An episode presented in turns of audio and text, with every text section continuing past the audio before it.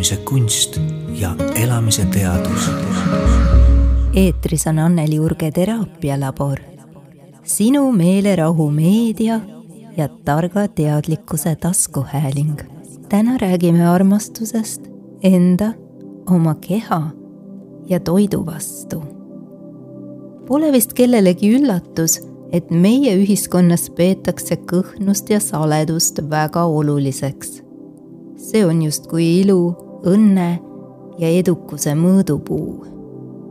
ühiskonna surve tõttu oleme hakanud läbi mõtlemata oma toitu piirama, kehasignaale eirama ja ennast teistega võrdlema.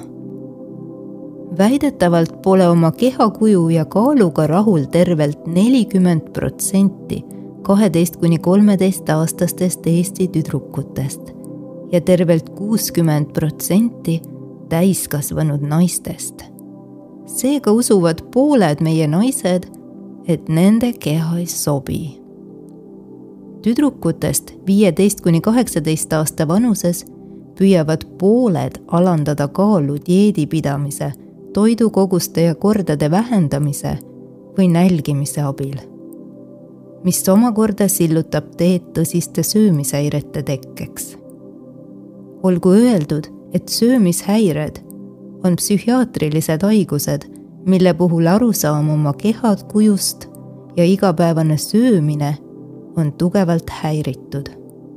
söömishäireid ei saa ravida ühekordse toitumisnõustaja visiidiga.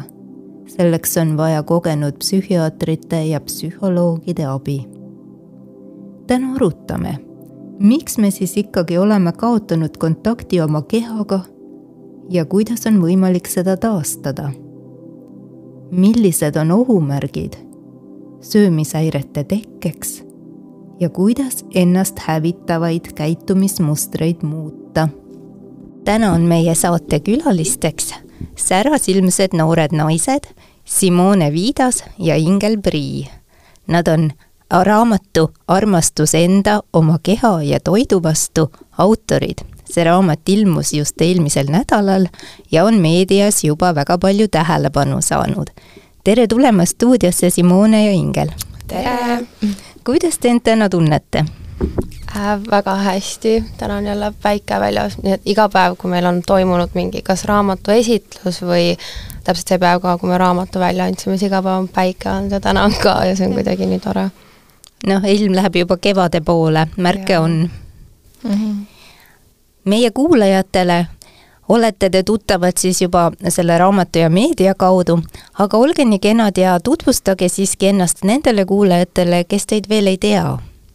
jaa, ma olen äh, siis olnud aastaid, aastaid, aastaid treener äh,, põhiliselt siis äh, kick-poksi ja boksi vallas. Äh,, olen treeninud mitmeid sadu ja mõnes mõttes ka tuhandeid inimesi läbi erinevate meediaplatvormide, et see on minu selline põhiline suund olnud. Äh,, jah.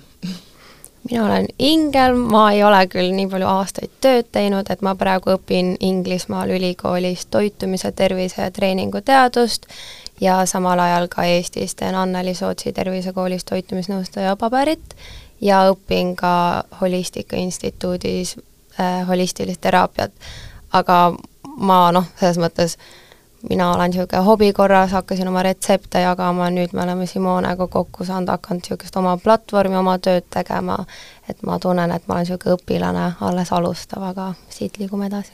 jah, et selle platvormiga ongi meil selline, see on Aspiree Wellness äh, ja selle platvormiga me tahamegi inimesteni jõuda oma teadmiste, oma kogemustega ja nii-öelda suunata neid äh, elama sellist täisväärtuslikumat äh, elu mis teid ennast suunas sellist täisväärtuslikku elu elama? Milline oli teie elu enne?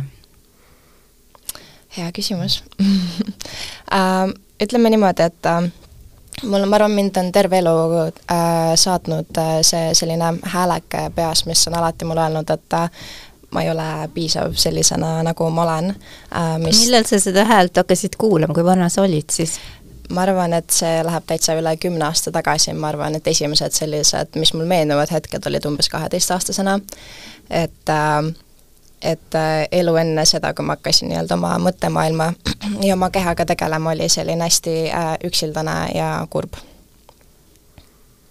mina ähm, ma tagantjärgi saan aru, et minu toitumise teemad tegelikult tulid ähm, noh, mul oli niisugune hästi huvitav pereelu, et see oli niisugune äh, kärgpere, igasugused asjad toimusid ja siis minul tekkis ilmselt sellest toitumishäire üheksandas klassis, aga aru ma sain sellest alles siis, kui ma hakkasin gümnaasiumis ja peale gümnaasiumit teraapias käima, psühholoogide juures käima, ise teraapiat õppima, et siis ma sain aru, et oi, see ei olnud lihtsalt see teema, et ma tahtsin parem välja näha, vaid et need olid palju-palju sügavamad nagu enesekriitilisus, eneseväärtuse teemad. et mind aitas see, et ma hakkasin hoopis teraapias käima, mitte et uuesti käia toitumisnõustajate juures või uut dieeti proovida, et jah ma olen väga tänulik, et te täna siin stuudios olete. see jutuajamine söömishäiretest, sellega toimetulemisest, sellest väljatulemisest on väga oluline teema. ja võib-olla meie ühiskonnas ei ole seda käsitletud piisavalt tihti ja piisavalt põhjalikult Mm -hmm. aga ma tean palju noori inimesi, kellel on see probleem ja eriti just noored tütarlapsed.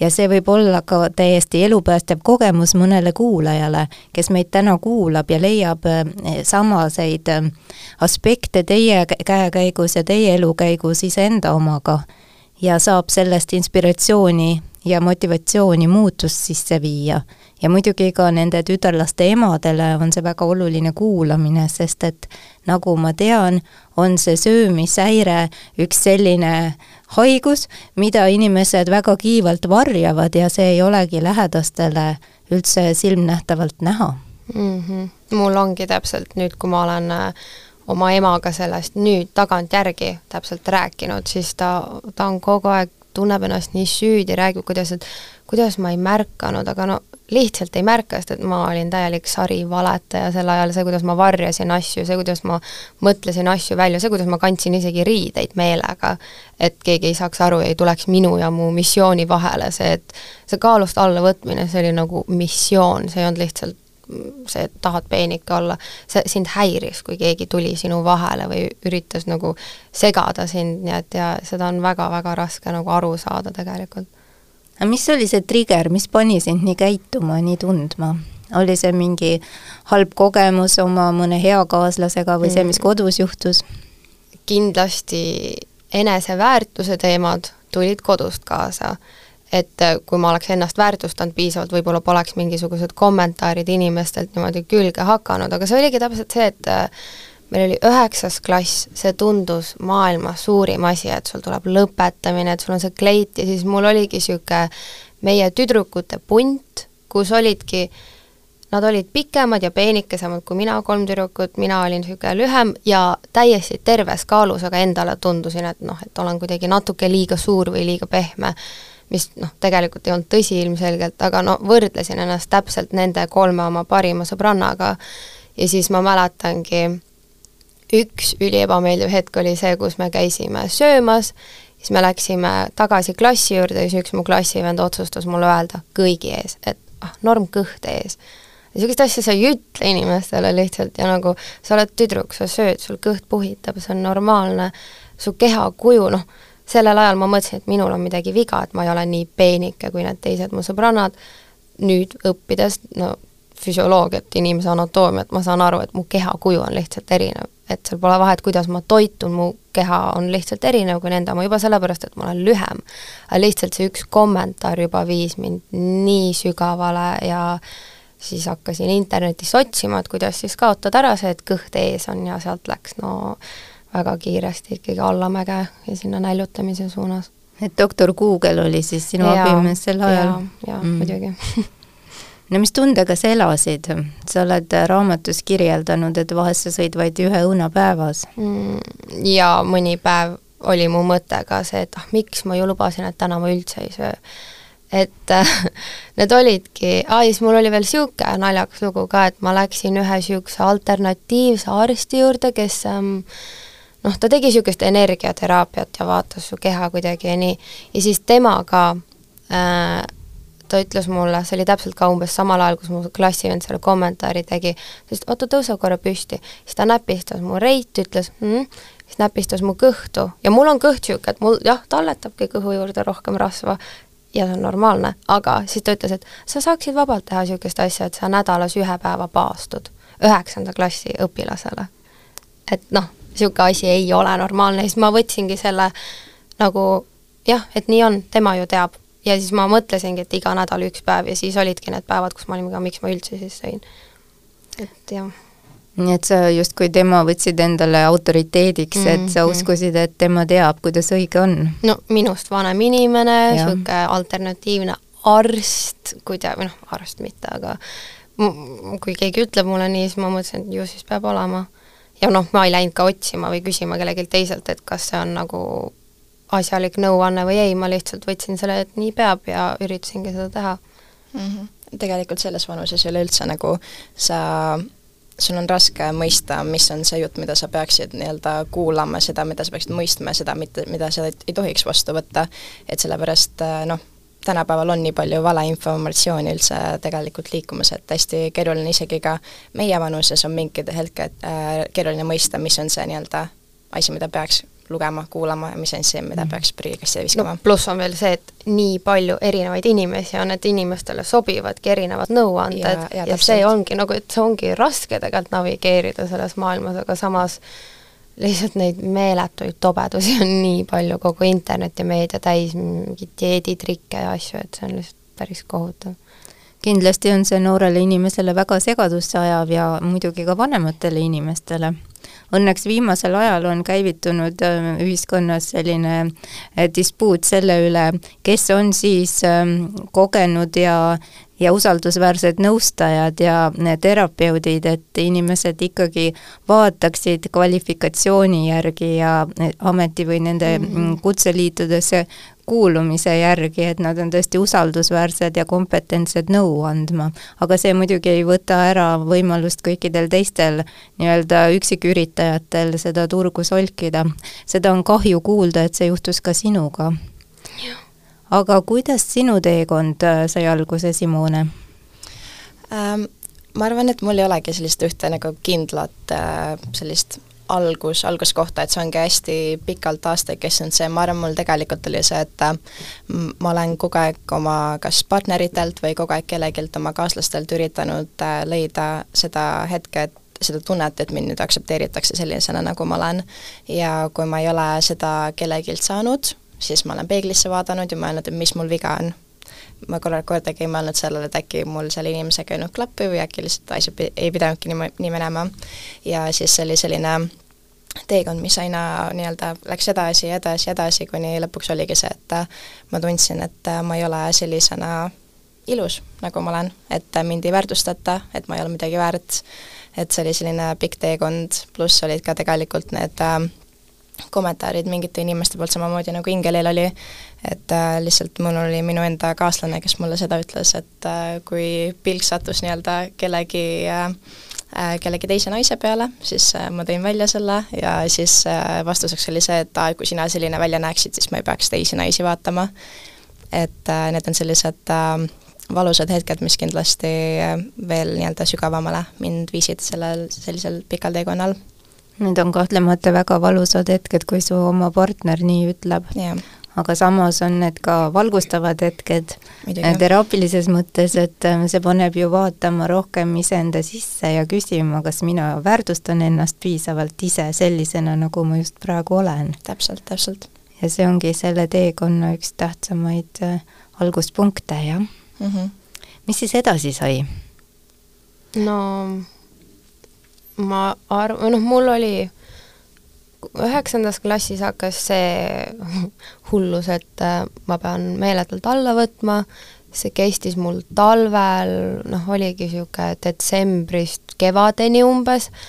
Äh,, siis ma kaotasingi nagu no läksin ikka kohtlikult alakaalu, aga sealt oligi see, et äh, ennem lõpetamist kevadel mu keha ei suutnud enam, mu see mentaalne nälg ja keha oli täiesti kontrolli alt väljas ja siis mul hakkas nagu meeletu ülesöömine, niimoodi, et ma sõin nii suuri koguseid, et ma tõesti, noh, see päriselt, see on juba vastupidi, ebatervislik äh,. Aga ma ei suutnud lõpetada ja siis mul hakkas see buliimia osa, kus ma siis sundisin ennast äh, välja oksendama neid asju ja see käis nagu nii üles-alla, et noh, siis üheksanda klassi lõpetamiseks ma ei saavutanud oma seda ideaalkaalu, vaid vastupidi, ma võtsin siis nagu juurde ja juurde oma terv-, nagu sellest baaskaalust veel kümme kilo juurde, et mu kaal kõikus ikkagi niisuguse kahekümne kilo vahel ja ma olen kõigest sada kuuskümmend kaks sentimeetrit pikk väikse kondiga, nii et see kaalu kõikumine oli väga suur.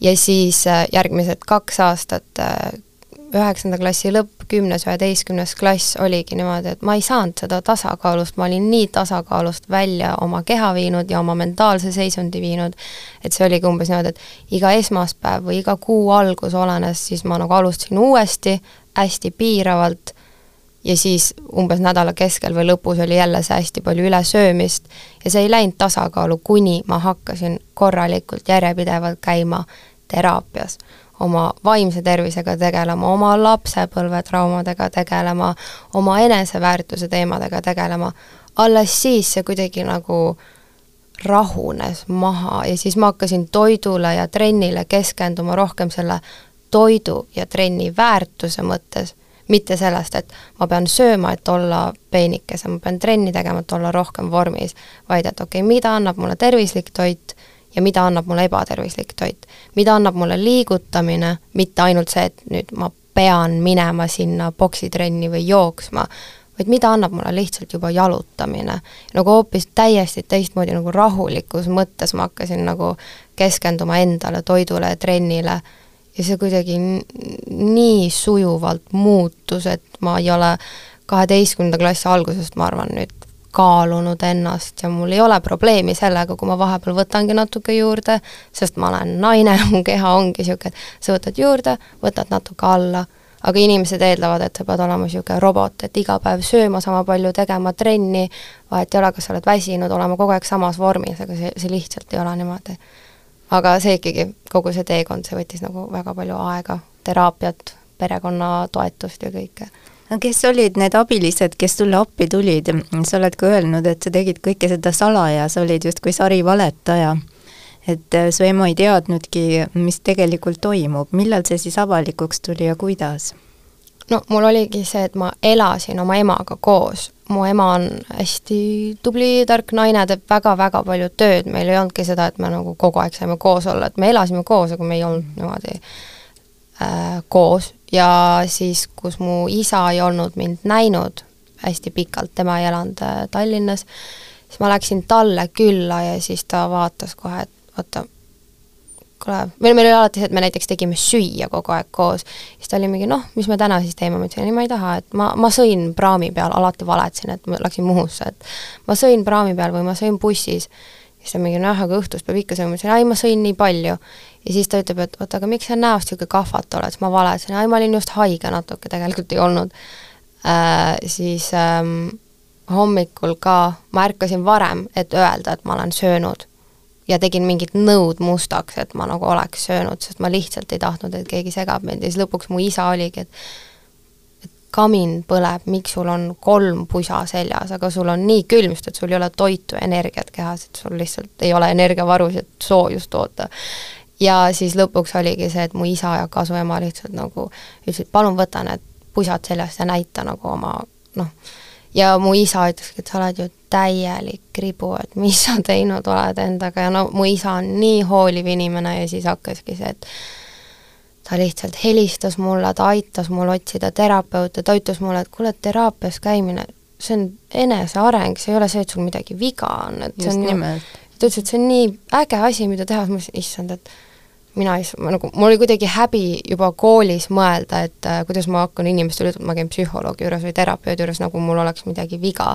aga mu isa nagu muutis täielikult mu perspektiivi ja siis sealt nagu hakkas see. oleks rohkem selliseid isasid Ei, maailmas. mul on maailma parim isa reaalselt ja mina olen ka sinu isale väga tänulik, et ta seda tegi sinu heaks.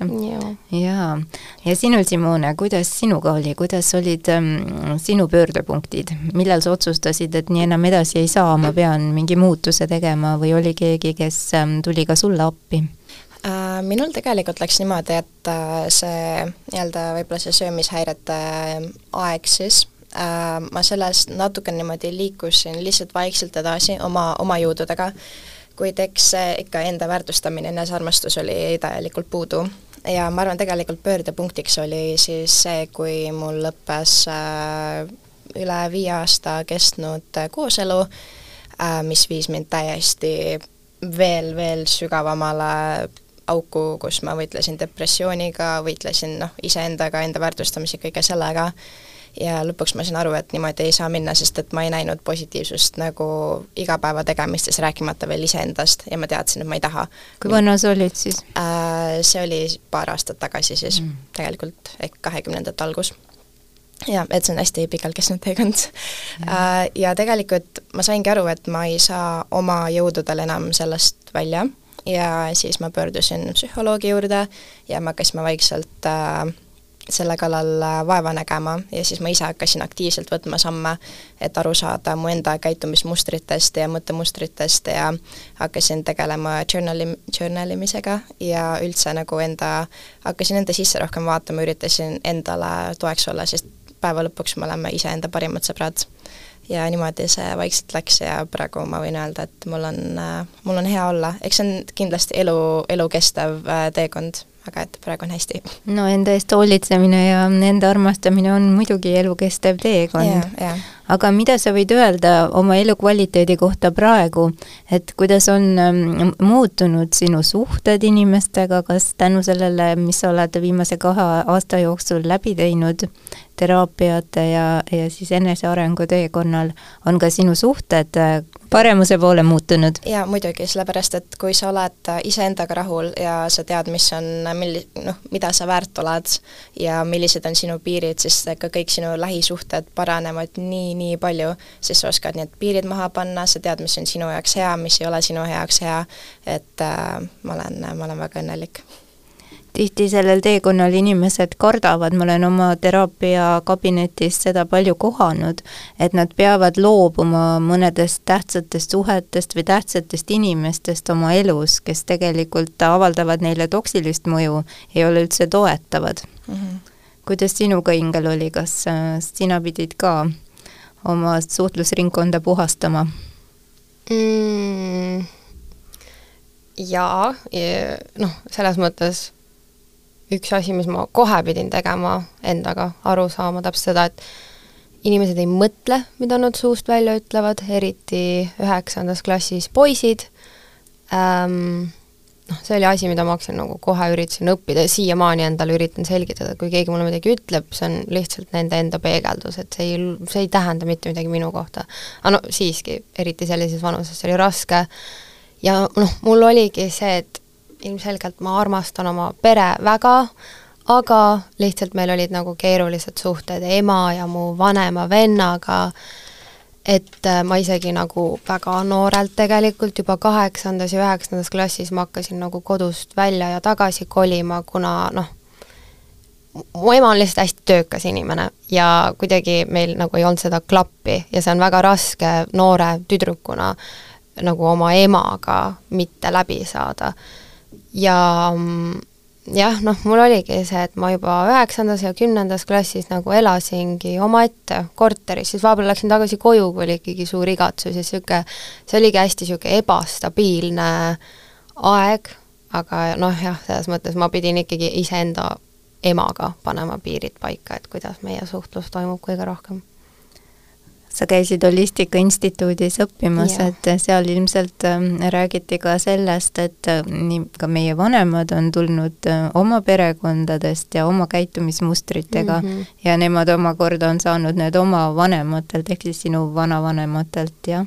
see on, see holistika, see esimene aasta, see on olnud suurim abikäsi minu praeguses väikeses elus ma läksin sinna, kui ma olin kakskümmend, lõpetasin, kui ma olin kakskümmend üks, noh, selle esimese aasta.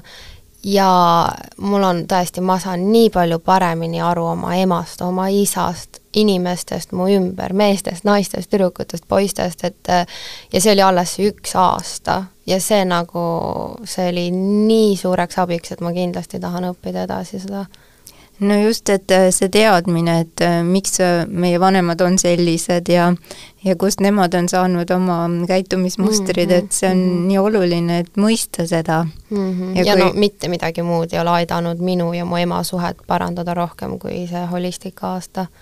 no see on väga suur rõõm kuulda. loodan, et sa jätkad oma õpinguid seal. kindlasti jätkan räägime nüüd ka sotsiaalmeediast, sest lisaks peresuhetele ja partnerlussuhetele mõjutab ikkagi noorte tütarlaste ja naiste enesehinnangut väga ka sotsiaalmeedia. ja tänapäeval on peaaegu võimatu ilma selleta üldse elada, jah mm. ja absoluutselt, ma arvan, et äh, mina ja Ingel saime sellise äh, kõige keerulisem aja sellest äh, sotsiaalmeedia trendidest ja asjadest, et äh, tol hetkel, kus meie üles kasvasime, siis äh, peenike oli ainuõige viis olla, et siis seda nii-öelda keha positiivsust ja seda nii palju ja oma keha aktsepteerimisest ei räägitud üldse, ja samamoodi sa oled noore tüdrukuna ju sa oled nii, nii mõjutatav. Ja näiteks ongi, et kui näiteks sa ei meeldi mingile poisile, siis sa vaatad äh, neid modelle, kel, kelle järgi võib-olla noh, kõik mehed võib-olla ilastavad, on ju, sa oled nagu miks mina selline välja ei näe, et miks ma olen äh,, miks ma olen siit kõhust suurem, miks ma ei ole nii pikk, miks ma ei ole nii peenike, et äh, see kõik kindlasti pani väga suure põntsu enesehinnangule, sest keegi ei öelnud, et sa oled täpselt okei okay,, nii nagu sa oled praegu ise no kui modellid kõrvale jätta, siis ka ütleme nii-öelda tavalised inimesed mm -hmm. jutumärkides siis postitavad äh, tihti sotsiaalmeediasse endast imekauneid pilte ja võib tunduda, et nende elu ongi üks äh, lust ja lillepidu. ja me ei teadvusta endale tihti, et äh, need sellised pettumused ja vähem positiivsed seigad jätavad nad seal kajastamata. no ausalt öeldes seda ma isegi vahepeal vaatan iseenda Instagrami pealt, kus nüüd see sügis, ehk siis kaks tuhat kakskümmend üks sügis nüüd, ei kaks tuhat kakskümmend kaks, issand aga mul oli üks raskemaid aegu mentaalselt üldse, oktoober-november, aga samal ajal ma olin Inglismaal ja see oligi see, et kui ma olin oma korteris üksi, põhimõtteliselt ma ainult nutsin ja ma ainult helistasin oma emale, sest mul oli, lihtsalt oli väga keeruline aeg, nagu nüüd see viimane sügis, ja siis üks päev üks tüdruk kirjutas mulle Instagrami, ma ei tundnud teda, kirjutas, issand, su elu on nii perfektne. ja siis ma ütlesin, siis see lõigi mulle selle, ma vaatasin siis ise oma Instagrami. ei no eks karta on, et tundub, kui ma panen seal, et oo, Londonis ja jee, Londonis, uhuu, aga see oligi nagu jah, need päevad, kus ma käisin Londonis, tegin midagi, oli tore, ma läksin tagasi koju, ma ikka nutsin. mul oli koolis raske, ma pidin, ma käisin koolis teraapias, ma käisin koolis õpetajatega rääkimas, et ma välja ei kukuks koolist, kuigi ma õpin teemat, mille üle ma olen nagu väga kirglik ja õpetajad näevad seda, mu hinded on okeid, lihtsalt mu mentaalne seisund ei olnud. ja see on juba see, et nagu ma ka ise vahepeal näen, et issand jumal, et jah, mu elu võib tunduda perfektne, aga noh, see lihtsalt ei ole niimoodi. et inimesed näitavadki no tõesti oma neid äh, parimaid osi elus ja no ega sa ei peagi panema ju mm, -hmm. et mul on emaga suhe halb, mul ma ei tea, mis iganes probleemid on, kellelgi pole kohustust rääkida nendest asjadest ja ennast haavatavaks teha, aga lihtsalt see teebki selle, et nagu kõikide elud tunduvad nii head, kuigi tegelikult ei pruugi üldse nii olla.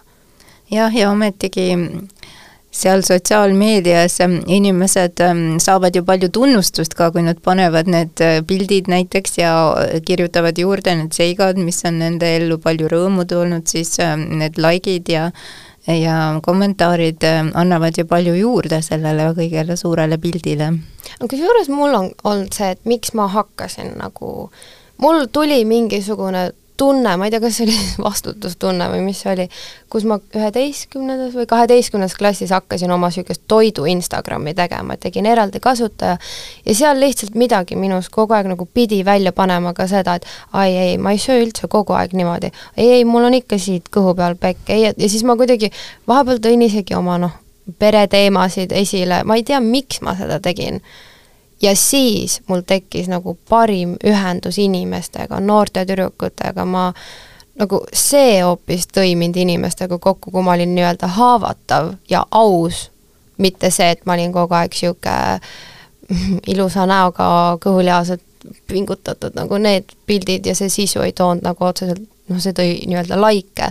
aga kui ma hakkasingi rääkima nagu ausalt elust ja rohkem seda jagama, siis alles nagu mul tekkis see, et issand, kui äge tegelikult on sotsiaalmeediat teha, kui sa räägid päriselt. ja sellest nagu tuli meil idee ka seda raamatut tegelikult ja. teha, et rääkidagi päriselt. kuidas see idee tuli see oli tegelikult äh, see täpselt seesama kasutaja, millest Ingel rääkis, see tegelikult põhimõtteliselt tõigi meid kokku. et äh, minu, meie ühine sõbranna siis oli Ingeli ühte retsepti teinud ja oli seda mulle proovida andnud ja mulle hullult maitses see, sellised ägedad energiapallikesed põhimõtteliselt mm. -hmm. ja ma uurisin, kust siis sa selle retsepti said ja siis ta viis, suunas mind Ingeli juurde. ja siis ma kirjutasin Ingelile, et aa, ta äge retsept oli, et saame kokku, teeme midagi ägedat. et tol hetkel ma tegelesin treeningkavade ja in-, inimeste treenimisega kõige rohkem ja siis me, meil oli idee, et annaks lihtsalt mingi e-raamatu välja ja, ja retsepti e-raamatu. ja aga aeg läks edasi, seda rohkem ma sain aru tegelikult, et meil on ju nii palju rohkem jagada ja, kui lihtsalt ja. retseptid või treeningkavad. ja sealt tuligi see idee, et issand, kui äge oleks anda välja retsepte, trenne ja ka seda, mentaalse tervise osa, millesse me nii väga usume, aga ma väga-väga usun ka manifesteerimisse ja energiasse, sellepärast et just hetk ennem, kui Simone see oli kaks aastat tagasi, esimene veebruar, kui me kokku saime, mul on niisugused asjad ka ülitäpselt alati meeles. ja ma hakkasin siis tegema seda, et ma nagu kirjutan üles oma soove, nagu need oleks juba päris. ma kirjutasin, et issand, kui äge, et mulle nii meeldib oma retsepte jagada, me teeme nii ägedaid projekte ja siis Simone kirjutab mulle, et tal on mõte teha mingi retseptikogu, mul oli just seesama mõte. ja kõik ideed on järjest, järjest, järjest ellu tulnud niimoodi, et see on nii äge mu arust et on omamoodi tore teekond olnud. jaa, ja siis noh, tegelikult oligi, et me tassimegi sinna oma nii-öelda need äh, kogemused ja oma teadmised, mis me oleme nii-öelda oma hariduslikul äh, teekonnal äh, omandanud, sinna kõik kokku panna, et see oleks selline abiline äh, kõikidele naistele ühel hetkel, täpselt siis, kui neil äh, seda vaja on. ja siis me võtsime kirjastajaga ühendust äh,, Tiinale meeldis meie jutt ja siis sealt tuligi meie raamat, nii et see on kaks aastat äh, teos olnud kui suur ähm, on see tagasiside juba olnud, see raamat alles ilmus, aga ma saan aru, et inimesi on see kõnetanud ja teie poole on pöördutud? no mina olen viimased päevad ainult pisardanud ja nutnud, sest mu sõbrad ütlevad, kui uhked nad mu üle on ja niisugused asjad kunagi ei jõua mulle väga kohale, sellepärast et ma tunnen, et ma olengi nii palju muutunud, et see, kes ma olin mõned aastad tagasi, täiesti teine inimene, kes ma olen praegu, ja see, kui inimesed ütlevad, et nad on mu üle uhked, see on niisugune, et ma, ma lihtsalt ei jõua see kohale ja pere on nii toetav, et jah, see on väga-väga armas. kuidas see sinu elu muutnud on, Simone? mul on äh, selles mõttes, mul on alati keeruline, sest ma olen ma olen selline sariprojektide elluviija, et mul on iga kord, kui projekt on tehtud, ma mingi uu, super, mis on järgmine, aga tegelikult see on, see on noh, ma arvan, et meie mõlema elu kõige suurem saavutus kindlasti olnud ja mul on ma lihtsalt loodan, et tõesti, et see raamat jõuab nagu selle inimese kätte, kellel on seda vaja sellel hetkel, kui tal on seda vaja, sest et kui see raamat oleks äh, meil võib-olla noorem olemas olnud, siis oleks meie teekond võib-olla täiesti teistsugune olnud. et äh, ma lihtsalt jah, ma olen, mul on hea meel, et ma saan äh, midagi nii-öelda tagasi anda see on väga hea raamat ka kingitusena, sõbrapäev on tulemas, nii et kasutage yeah. kõiki võimalust ja ja sõbrale on see suurim austusavaldus, kui selline kena raamat talle eh, siis kingitakse.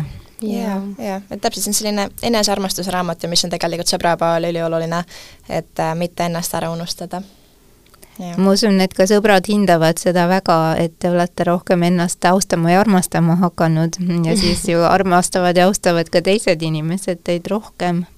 ei et..., see on täiesti nagu märgatav asi, et ma arvan, et kõige rohkem ma olengi niisuguse eneseväärtustamisega tegelenud, ongi noh, eel-, noh, suve lõpust sügisel kuni praeguseni ja mul on olnud sõbrannadelt selliseid kommentaare, et varem sa ei olnud ingel, aga nüüd su nimi on päriselt ingel, et äh, ma, ma olin hästi kriitiline, õel, kuri, karm, äkiline inimene nagu po-, no selles mõttes ma olin neliteist, kui ma hakkasin niimoodi väljas käima ja ma olin täielik pätt, kui ma olin väike. ja ma olin õel ja ma olin nagu väga, väga, väga negatiivne inimene, sest ma ei osanud paremini, ma ei väärtustanud ennast ja see kaitse, et nagu kuidagi noh, ma oskasin ainult enam-vähem solvata ja nalja teha. ja siis kuidagi mu elu täielikult muutuski ja nüüd see, et see raamat ja ma olen kuidagi nii teistsugune ja rahulik, mu suhted sõpradega, täiesti teised asjad mul on nii ilusad sõprused, mul on nii ilusad lihtsalt inimesed, kes tulevad ellu ja ma enda arust ei tee midagi teistmoodi, ma lihtsalt olen. aga varem ma lihtsalt olin nii teistsugune, et nagu suhted olid ka kogu aeg negatiivsed. et see enesearmastus ja väärtustamine, see ikka peegeldub sulle kõvasti tagasi räägime veel haavatavusest, et inimesed tihti usuvad, et näidata end haavatuna on siis nõrkus ja pigem tugevus on olla kõigile vastu -hmm. seista ja, ja kõigega toime tulla, et nii on meid õpetatud põlvkondade kaupa, et see ei ole mingi uudis kellelegi. aga hiljem selgub just, et haavatavus ongi kõige suurem tugevus, et mm -hmm. siis, kui inimene julgeb ennast avada ja näidata, et tema on ka sellel teekonnal ja ka temal on probleemid, siis ähm, teised inimesed justkui äh, hakkavad äh, vaatama tõsisemalt ja haakuvad sellega ja julgevad ka oma haavatavust näidata. ma arvan, et täpselt see ongi see, miks mu suhted on muutunud, ongi see haavatavus, see ausus, see, et ma olen see, kes ma olen, mitte ma ei ürita kas teiste arvelt kuidagi ennast tõsta või lihtsalt kuidagi en-, enda halbu külgi varjata ja kohe, kui ma olen olnudki haavatav, aus, siis on need suhted mul elus kordades paremaks läinud. haavatavus on ähm, tihti väga äh, silmatorkav ka sotsiaalmeedias ja kui ma vaatasin ähm, Simone sinu kohta avaldatud ähm, meedia siis äh, avaldusi, siis ma nägin, et ajakirjas Kroonika oli sinust lugu ja seal oli ka väga kaunis pilt väga naiselik pilt pandud äh, seda lugu illustreerima. ja teemaks oli siis, ähm, siis ähm, kuidas sa ise seda sõnastad? Äh, jah, ma usun, et see teema oli seoses tegelikult äh, sotsiaalmeediaga ja tüdru-, ja selle mõju tegelikult naiste ja tüdrukute sellisele positiivsele või negatiivsele minapildile mm.. et et jah, see oli selline huvitav, huvitav artikkel. see oli ka väga julge pilt, mida sa postitasid ja, ja seal oligi teemaks see, et ähm, millise eesmärgiga siis postitada endast äh, sisuliselt siiski intiimseid ja ka äh, väga haavatav, haavatavust tekitavaid äh, pilte nii-öelda, et sa oled nagu ähm, kõigi ees avatud Jaa, see on, see on keeruline teema, mul on sellega alati kahetised tunded olnud. Kuna ühe, nii-öelda ühe poole pealt see on minu arust täiesti okei. Okay. äh,, kõik võivad postitada, mida nad tahavad, oma keha näidata, kes, eriti kes on enda üle uhked, oma kehaga vaeva näinud, välismaal on see täiesti-täiesti tavaline, Eestis on see võib-olla natukene teistsugune suhtumine sellesse, aga teisest küljest on jälle see, et äh, noh, et me paneme ennast äh, hästi haavatavasse kohta nagu kõigi ette ja kui sa oled näiteks see noor tüdruk, kellel on need probleemid juba eneseväärtustamisega, kui selli-, kui sa postitad endas selliseid pilte ja tagasiside ei ole selline, mis sa arvad, et see on, mida sa loodad, et see on, siis see võib sind veel nii-öelda sügavamasse auku viia. aga ma kindlasti võin öelda, et kui ma nagu teismeline noor olin, siis see võib-olla oli minu eesmärk neid pilte postitades, just seda nii-öelda tähelepanu saada, seda aktsepteerimist jälle, millest ma olen varasemalt ka rääkinud mm, -hmm. aga viimaste, viimaste aastate jooksul eesmärk on hoopis teine olnud, et pigem äh, inspireerida teisi ka oma keha peale uhke olema, oma keha armastama, et treenerina ma puutun sellega igapäevaselt kokku. Ja siis minu, see oli nii-öelda minu viis võib-olla tähelepanu tõmmata sellele sõnumile, mis ma tahtsin edastada, mis oli ka nende piltide all niimoodi pikemalt välja toodud, et inimesi panna mõtlema oma nii-öelda, oma väärtustamisele ja sellisele positiivsele minapildile ma mõistan täielikult sinu mm, eesmärki ja sinu selgitust, et mm, miks sa selliseid pilte postitad endast, aga terapeudina ja pikaajalise advokaadina ja vanuselt sinu emana kõik see kokku, pean ma siiski küsima, et kui turvaline see on, kas sa mõtled ka turvatunde peale, sest kuigi holistikas õpetatakse, et elu tuleb usaldada ja muidugi me peamegi elu usaldama, sest kõike ei saa kontrollida aga sellest hoolimata me peame usaldama ka oma sisetunnet, et kui turvaline on olla siiski meie ühiskonnas haavatav. kindlasti on palju väga heatahtlikuid inimesi, inimesi, kes mõtlevad nagu sina ja sa saad palju head tagasisidet, aga kahtlemata on ka neid, kelle motiivid ja kelle mõttemaailm ei ole nii head ja puhtad, nagu me tahaksime ja kellel on mingi oma väärastunud arusaam asjadest ja mingil hetkel võib see ka lausa ohtlikuks muutuda, kui vaadata Ameerika meediakajastusi, siis just hiljuti pandi toime seal jõhkrad mõrvad kauni kaks kaunist äh, koolitüdrukut tapeti ja just Instagrami piltide pärast, et kedagi nagu pani see kadestama ja häiris nende ilus elu ja inimesed on lihtsalt väga jõhkrad kuidas on sul tunne, kas see on ikka turvaline või kus see turvatunde piir sinu jaoks on? Äh, ma isiklikult ei ole tundnud kuida-, äh, kuidagi kunagi mingit sellist äh, tunnet, et äh, mu teod ei oleks turvalised olnud, äh, see on kindlasti väga oluline point, mille sa välja tõid, et me tegelikult kunagi ei tea, aga see võib olla ükstapuha, mis, äh, mis piltidega ja missugust elustiili elades, et sa kunagi ei tea kuidagi, kuidas sa kellele jalgu jääd. Et aga mul on selles suhtes hästi läinud ja ma olen nagu usaldanud oma sisetunnet, et kui ma olen tundnud, et äh, mingi postitus võib-olla ei ole päris see, siis olen selle nii-öelda postitama jätnud ma väga loodan, et, et kõik läheb sul edaspidi samamoodi hästi ja et sa usaldad oma sisetunnet, mis on sinu jaoks õige ja mis mm -hmm. mitte ja kindlasti on ka häid nõuandjaid, et meedia on ju omamoodi maailm, et seal orienteeruda, seal tihti võib-olla oma aru natuke, sest meil kellelgi ei ole küllalt mm, -hmm. ükskõik kui vanad me oleme, et seal on omad seaduspärasused ja ja ikkagi, kui hoida silmad lahti kõige ees, mis maailmas toimub, et siis see on ka ikka ikkagi eluterve suhtumine mm. -hmm. no noh, see on ka niisugune, et enam-vähem noh, mina tunnen, et võib-olla see ongi nagu naiivne suhtumine sellesse, aga mul ongi niisugune tunne, et maailm on niikuinii igasuguseid inimesi täis, et ma sama hästi võin siis juba postitada, mis ma tahan, mis mulle meeldib. ma, ma, ma paar aastat tagasi ma oleks elu sees uskunud, et ma olen kohas, kus mulle meeldib mu keha ja mina näen, et üldse inimese keha, inimese välimus on nii ilus, nii omapärane, et nagu ka mulle meeldib teha lihtsalt vahepeal ilusaid niisuguseid pilte endast, vahepeal ma ka postitan neid ja nagu ma ei ole ka tundnud õnneks mingisugust äh, ohtu sellega, kuigi ma tean, et sellised ohud on olemas. aga see kuidagi ongi niisugune, et noh, et inimesi on niikuinii igasuguseid, igasuguseid asju võib niikuinii juhtuda, et kohe, kui ma tunneks ebaturvaliselt, ma teeksin nagu midagi, et seda vältida, aga lihtsalt jah, see on niisugune natuke keeruline teema minu meelest mm. -hmm. nagu alati on hea oma sisetunnet usaldada mm -hmm. ja mm -hmm. nii see on. mida te ütleksite meie kuulajatele, kes on nüüd ähm, meid kuulanud ja võib-olla samastunud äh, teie lugudega ja tahavad võtta muutuseid ette oma elus, et mis on need ähm, nii-öelda esmaabi esimesed sammud, mida te soovitaksite? Ähm, ma ütleks, et võib-olla kõige esimene on kellegagi sellest rääkimine mm, -hmm. äh, olgu see kas sõber, pereliige või siis äh, professionaal või meie jah, või meie, jaa.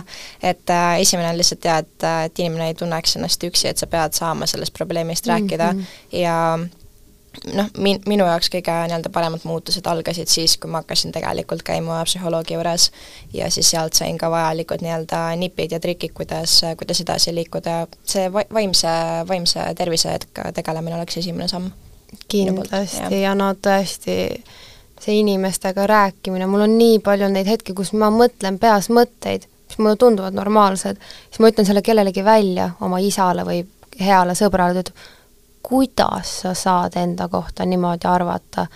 ma mõtlen, ma ei tea, mu arust see on normaalne, et ma ei tea, ma pean kõik andestama või noh, inimeste järgi kuidagi, nende tujude järgi käituma, et aa, mu arust see oli normaalne, mu arust ma tegin head, ja mulle öelda, ütlevad, et aga kuidas sa endasse suhtud, kuidas sa endaga käitud ja alles siis ma saan aru, et issand, kuidas ma ennast kohtlesin või nii.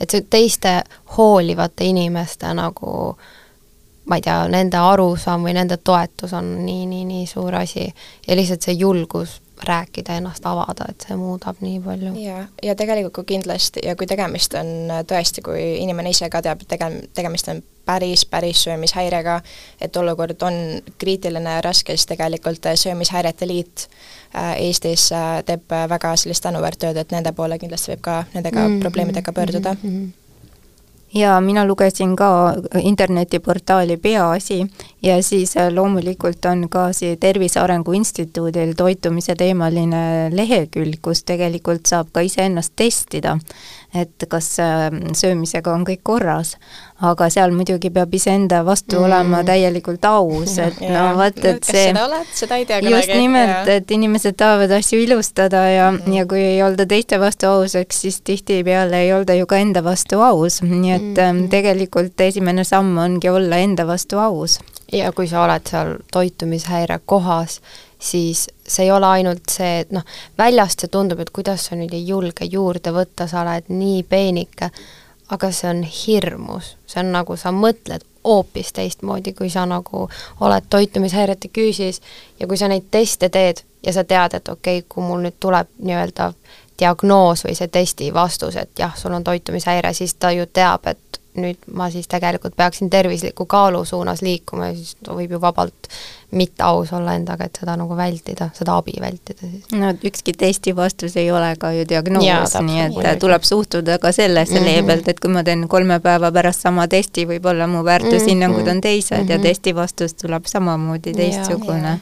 see on täpselt see interneti teema, et ja. Äh, igasuguseid teste ja asju on olemas, nii et tuleb ettevaatlik olla jaa, aga ka oluline, mis te välja tõite oma jutus, on see, kuidas inimesed äh, omavahel suhtlevad, see suhtlemisoskus, nagu sina tõid välja selle noormehe repliigi, mis sind haavas, et tihtipeale inimesed tõesti ütlevad seda, mida nad tegelikult üldse ei mõtle või tahtmatult kedagi solvata.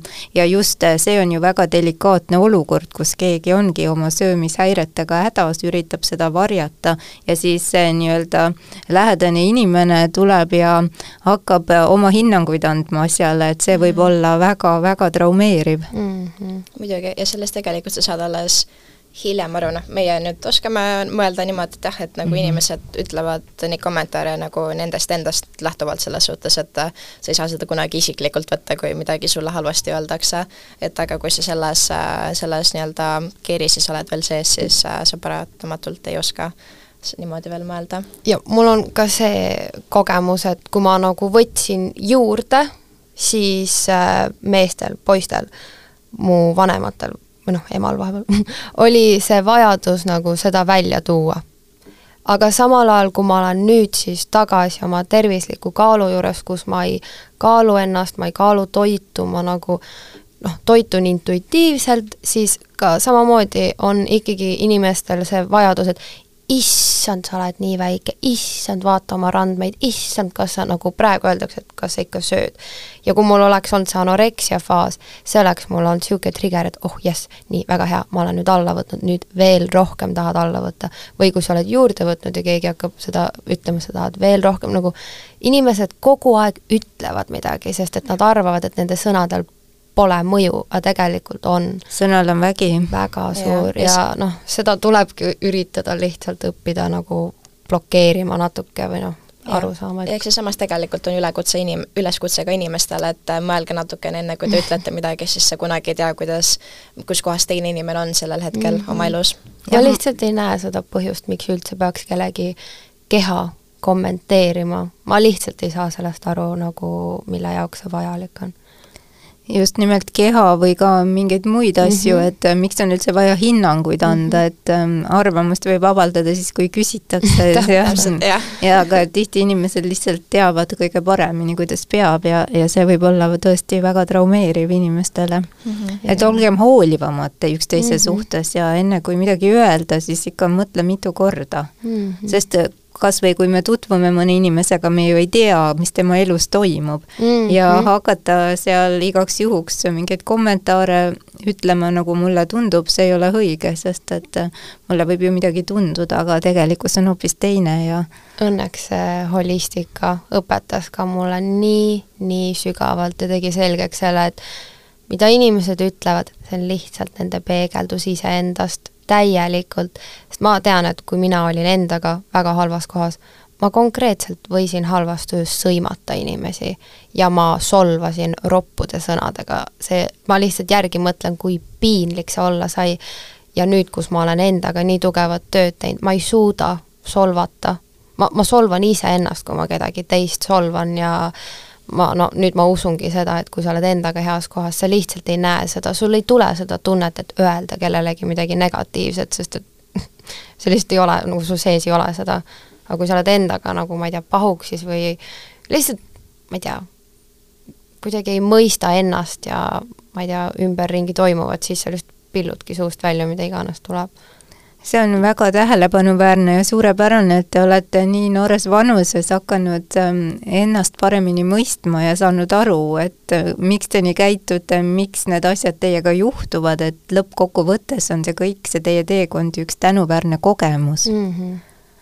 mida Aga elust kaasa võtta. Äh, meil see on näiteks sotsiaalmeedia positiivne mõju, et meil veab, sest et infot on nii palju, sa näed, et oo, keegi läks teraapiat õppima, äkki ma peaksin ka, aga noh, mu isa ja ema on ka öelnud, et vau wow,, et sa oled nii noorelt nii palju juba aru saanud, aga mul vedas, et ma leidsin holistika või vajalikud koolid ja väga palju sellest positiivsest ka on tulnud sotsiaalmeediast tegelikult mm. -hmm ja kindlasti on ju sotsiaalmeedia ka positiivne mõju, seda me oleme võib-olla alahinnanud ka mm -hmm. tänases vestluses, et need grupid, mis tekivad inimestel, siin paar saadet tagasi oli üks äh, noor tohter siin minu saatekülaliseks ja ta ütles nii armsasti, et, äh, et on jälginud mõne inimese elukäiku sotsiaalmeedias, kes on kannatanud depressioonis ja ta on jaganud ausalt kõiki neid äh, perioode, mida ta on kogenud. et küll on siis edulugu, aga ka tagasilangused ja see nii palju motiveerib teisi inimesi, et see ongi üks aus ja avameelne lugu ja inimesed saavad jõudu sellest, et äh, oma elu paremaks muuta. jah, täpselt, see on see, mis, mida meie ka tegelikult üritame oma, oma platvormiga teha, et äh, see on meie viis nüüd natukene sellist positiivsust ja endasse vaatamist sinna sotsiaalmeediasse tagasi panna mm. -hmm Te olete teinud ära suure töö, see on kiiduväärt ja, ja ma olen väga tänulik, et te tulite meie saatesse. ja kuulajad kindlasti said ka palju tähelepanuväärseid teadmisi juurde ja sellel ähm, teekonnal siis, ähm, mille nimeks on söömishäired ja nendega toimetulek et kuna me siin saates ikkagi oleme fookusesse pannud just selle tervenemise teekonna, et anda inimestele lootust, et igas olukorras on lahendus olemas, et lihtsalt tuleb näha, et keegi meist ei ole üksinda, igas äh, olukorras on abilisi, nagu ka teie olete oma teekonnal kogenud. lihtsalt tuleb olla julge ja küsida abi mm -hmm. ja mitte karta näidata oma haavatavust välja, sest see haavatavus ongi tihti meie kõige suurem tugevus. Ja ma, ma ei tea, elu läheb nii palju ilusamaks, kui sa nagu tegeled oma haavadega, näitad need välja õigetele inimestele muidugi, aga lihtsalt ma võin küll öelda, et see endaga tegelemine, see on muutnud mu elu igas aspektis, nii et nagu palun, palun julgege ennast armastada, endaga tööd teha, et see on nii tore ja toob nii hea, häid tulemusi ellu lihtsalt meil on ähm, päris populaarne teenus kogemusnõustamine ja kindlasti nüüd see teie raamat ja ka tänane podcast ja teie muud ähm, intervjuud äh, toovad inimesi teie juurde, kes võib-olla tahaksid teile oma lugu rääkida. kui avatud te olete selles suhtes?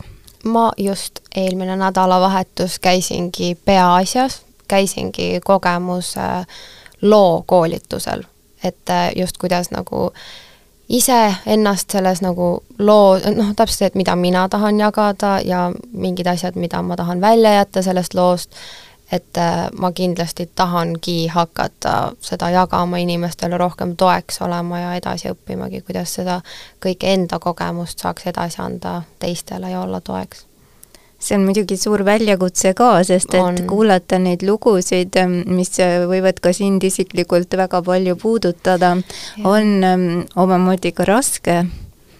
jah, aga samas ma arvan, et see on ka nagu väga ilus osa sellest, et need rasked asjad, jah, noh, ma näen selles lihtsalt ilu rohkem kui seda kurbust ja seda halba osa. et ka siin tuleb see sisemine tasakaal mm -hmm, säilitada ja enda sisetunnet usaldada, et eh, kui palju ma suudan kanda. jaa, ei, kindlasti. Ja no mingite inimestega ei, kindlasti ei tule klappi või ei oska aidata. Ja see on ka täpselt siis, siis sa pead ka aru saama, et see ei ole viga minus, sa ei saa lihtsalt kogu maailma päästa ja iga inimesega ei tule seda head ühendust ja nii. Kahtlemata ei saa kogu maailma päästa, aga kui me ka kellegi um, sellise enesetunde või siis ka elu täna suutsime päästa, siis äh, see on ju juba suurepärane kordaminek, kuidas ja. teile tundub? muidugi, täiesti nõus kuidas te näete iseennast äh, kümne aasta pärast, okei okay,, võib-olla kümme aastat on äh, praegu teie jaoks väga pikk aeg, aga näiteks viie aasta pärast, et mida te siis teete ja mis tundega te elate? ma arvan, et me sammume oma seda missiooni, missioonil samamoodi edasi, nagu me praegu oleme viimased need kaks aastat olnud, et äh, me tegeleme oma selle platvormi arendamisega, millega me tahame siis äh, rohkemate inimesteni jõuda ja nende heaolu veel paremaks teha. et äh, see on, ma arvan, minul vähemalt selline, selline põhifookus, et võimalikult palju inimesi aidata jaa, et see platvorm ja see, mis me hetkel suuresti kahekesi teeme, et see kindlasti on nagu meie eesmärk, kasvatada suuremaks, kaasata erinevaid ägedaid inimesi, kes sa-, saavad ka oma sõna, oma kogemust, oma panust anda, et see on nagu, meil on ikkagi väga suured ideed ja unistused selle platvormiga ja no siis ma olen kakskümmend seitse, millalgi ma tahan emaks saada. täpselt, täpselt. ma tahan Eesti tagasi kolida nüüd mm. uuel aastal. kus sa siis praegu elad äh,? Singapuris mm.. ma olen, olen praegu viimased äh, selline seitse, seitse kuud olnud, praegu olengi külas natukeseks et, äh, et nii kurb, et ära lähed ma olen varsti tagasi. et, äh, et jah, ja samamoodi nagu Ingildis ja emaks saamine ja kõik need, need mul ei ole kunagi asjad. see unistus varem olnud ja nüüd viimased paar kuud mul on niisugune, et issand, mis mu sees toimub, et kas ongi see bioloogiline kell, mis hakkab tiksuma või ma ei tea. aga lihtsalt ma tean, et ma tahan teha noh, ma hakkasin õppima toitumist, siis ma sain aru, et okei okay,, see on äge, aga samas see oli kuidagi hästi niisugune, et see kaalub nii palju, seda tuleb nii mitu grammi süüa, siis ma olin, no see ei ole päris see. siis ma hakkasin õppima Inglismaal toitumise tervise treeningu teadust, parim kogemus, nii äge, kui üldse olla saab, aga ikka oli midagi puudu. ja siis, kui ma panin selle holistika sinna veel juurde, siis ma sain aru, et okei okay,, asi, mis ma tahan teha, ongi tervislik eluviis, aga läbi selle nagu mentaalse, enda sisemaailma vaatenurga ja see on see, mida mhm. me üritame nagu luua ja ehitada, inimesteni tuua. et jah jaa, holistika, see on nagu maailmavaade. jah, täpselt, et me üritame ka niisugust holistilist lähenemist teha nagu toitumisele ja treeningule ja vaatame, kus see siis edasi kasvab mm. -hmm. jah, ja mis see holistiline lõppkokkuvõttes muud mm -hmm. on, mhm. kui et kõik on üks tervik mm. -hmm. täpselt mm, -hmm. jah. nii keha, vaim kui hing. ja sellepärast ma arvangi, et juba toitumist toitumishäiretest väljasaamiseks mind aitas teraapia ja holistiline teraapia, sest ma saingi aru, et mu toitumise taga ei ole see, et mul pole distsipliini, vaid selle taga on see, et mul ei ole eneseväärtust. ja see hoopis kasvatas nagu, andis täiesti teistsuguse perspektiivi ja nagu sisemise enesearmastuse mõttes motivatsiooni endaga tegeleda, mitte see välimine, et teiste jaoks leida seda motivatsiooni, et oma kest kuidagi paremaks muuta. et see nagu kõik need ta-, taipamised ja asjad, mis tekivad, et need nii hästi suunavad ja aitavad sina, Simone, oled äh, suur äh, poksiharrastaja. kuidas see, see on ka ju omamoodi distsipliin, et kuidas see sinu mõttemaailma on aidanud äh, areneda ja kujundada? see on tohutult aidanud, et äh, paljude jaoks poks on ainult sellised sinised silmad, murtud ninad, veri igal pool, aga tegelikult see on, see on võitluskunst, see on reaalselt kunst ja see distsipliin selle taga on võib-olla mind palju rohkem nii-öelda sundinud äh, ennast väärtustama ja ennast armastama veel rohkem tegelikult, et see selline äh, võitluskunstide distsipliin on mind viimased siis üle seitsme aasta äh, nüüd saatnud ja et ma tunnen, see annab juurde sellist kindlust igapäevas edasi minna veel kiiremini ja paremini. millised on teie kolm soovi täna, siin ja praegu kolm soovi kuldkalakesele sa ütle enne ma pean mõtlema. ma pean ka natukene mõtlema um,. okei okay., kui me võtame esimese sellise üleüldise soovi, siis uh, um, ma loodan, et uh, iga inimene mõistab, kui oluline on enese armastus ja enda väärtustamine, et see ei ole lihtsalt selline klišee või selline mingi juustune asi, mida teha, et ausalt enda nagu ähm, enda eest hoolitsemine ja enda väärtustamine on see, mis annab su elule täiesti järgmise nii-öelda sellise taseme, järgmise tõuke, äh, et, äh, et kõik leiaksid sellise kas või mingi ühe tegevuse, mida korra päevas teha, mis on ainult enda jaoks. ma ütlen siis hästi pinnapealne soov minul hetkel, noh, niisugune koht, mille suunas ma liigun, on enda kodu, ma juba peas nimetan seda enda pesaks mul on niisugune soov oma korter saada, sest noh, mu elu on olnud niisugune üsna ebastabiilne, kodust välja, kodust kodusse tagasi, nüüd mul ongi see enda kodu soov, siis niisugune laiem soov ongi see, et ma oleksin, et ma ei kaotaks seda julgust olla mina ise ja rääkida seda, millesse ma usun ja et seeläbi minule tuleksid ka nagu minu õiged inimesed ellu. ja siis on ka unistus see, et meie platvorm tõesti liiguks nii kaugele, et sa saad, saaks aidata inimesi. tuli neli soovi hoopis kokku praegu. no see soovide arv ei olegi nii oluline, mina ja. omakorda soovin, et kõik teie soovid täituksid. soovin teile ikka seda sära silmadesse, mis sealt praegu mulle vastu peegeldub. Ja... üks mu soov oli see aasta, panin äh, jaanuari alguses kirja et ma tahan käia rääkimas podcast'is, nii et ma saan juba selle täna maha tõmmata, mis on väga tore. mul on ka selle üle väga hea meel, et sina ja Simone siia täna tulid. ja ma usun, et meie kuulajatel oli sellest väga palju kasu ja see annab neile palju inspiratsiooni oma elu rõõmsamaks, helgemaks, kergemaks ja paremaks muuta. ma loodan ka. jah. aitäh! aitäh, aitäh.! Alkeemia, muutumise kunst ja elamise teadus. alkeemia taskuhääling toob teieni huvitavat ja harivat keha, hinge ja meele vallast. kuula ja loe alkeemia.ee, leia meid ka Facebookist ja Instagramist